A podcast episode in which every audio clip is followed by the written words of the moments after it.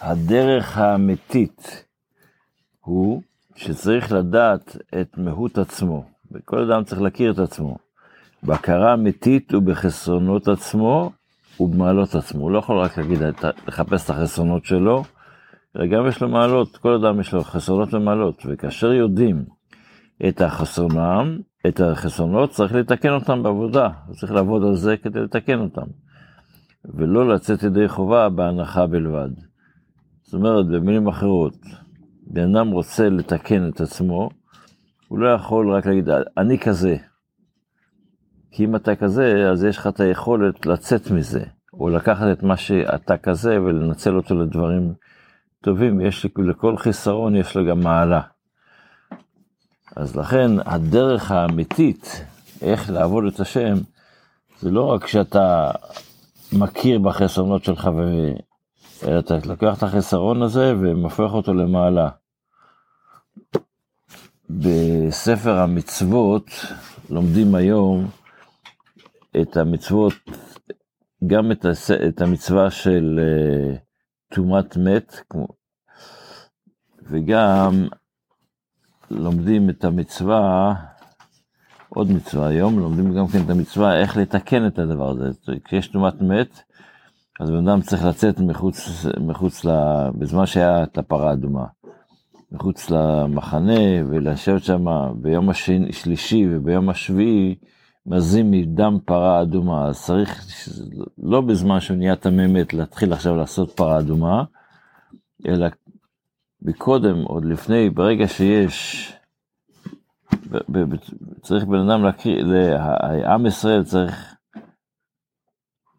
אה, להכין את עצמו לפר, למצווה הזו, להכין את עצמו שיהיה פרה אדומה. וזה המצווה שלומדים, אז מצווה קי"ג, הציווי שנצטווינו לעשות פרה אדומה, כדי שתהיה מוכן, מוכנת, מוכנה למה, למה שצריך בטהרה. תרומת מת, כמו שאמרו, כמו שכתוב בתורה, והייתה לבני ישראל למשמרת, זאת אומרת, אתה צריך להכין את זה מראש. וכבר נתבהרו דיני מצווה זו במסכת המיוחדת לה, היא מסכת פרה. בתפילה, אז אנחנו, אחרי שאנחנו אה, אומרים את המצווה של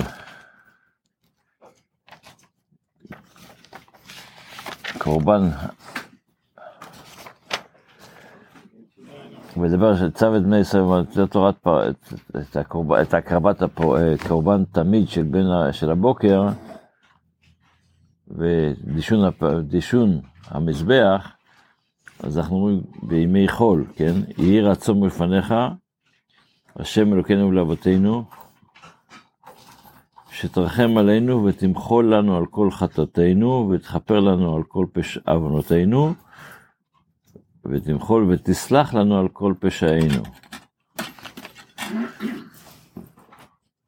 אז יש פה שלוש הגדרות, יש הגדרה של חטא, יש הגדרה של עוון ויש הגדרה של פשע.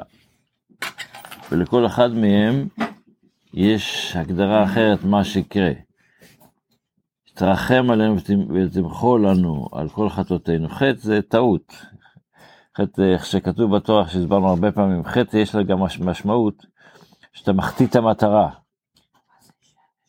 איך אה, כתוב ב, בסיפור של, בסיפור של, אה, כשאב, בתנ"ך, כשאבשלום לקח את המלוכה בחיי דוד, ובת שבע באה להתלונן על זה, אז אמר לו, הבטחת לי שהמלך אחריך יהיה שלמה, ועכשיו אבשלום לוקח את המלוכה.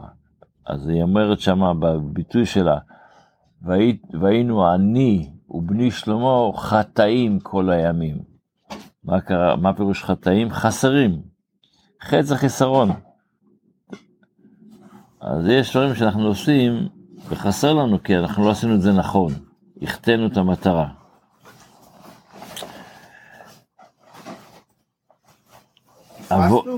כן, פספסנו. העוון עוון זה שעשינו דבר בטעות. עשינו באמת, עשי, לא רק שפספסנו את המטרה, גם עשינו דבר שיש עכשיו בעולם אה, אה, טומאה יותר, לקחנו את הקדושה והעברנו אותה. ויש אחרי זה פשע.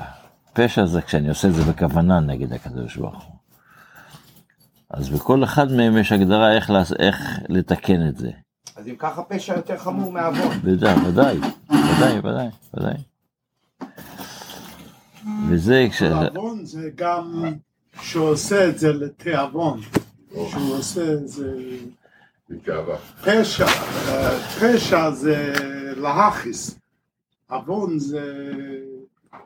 זה הוא בעל- טייבה. בעל כן, בסדר, אז הוא לא חשב על זה, הוא בן אדם שהוא בעל טייבה, הוא לא חשב על זה, הוא לא... הוא... חשב על ה- כן.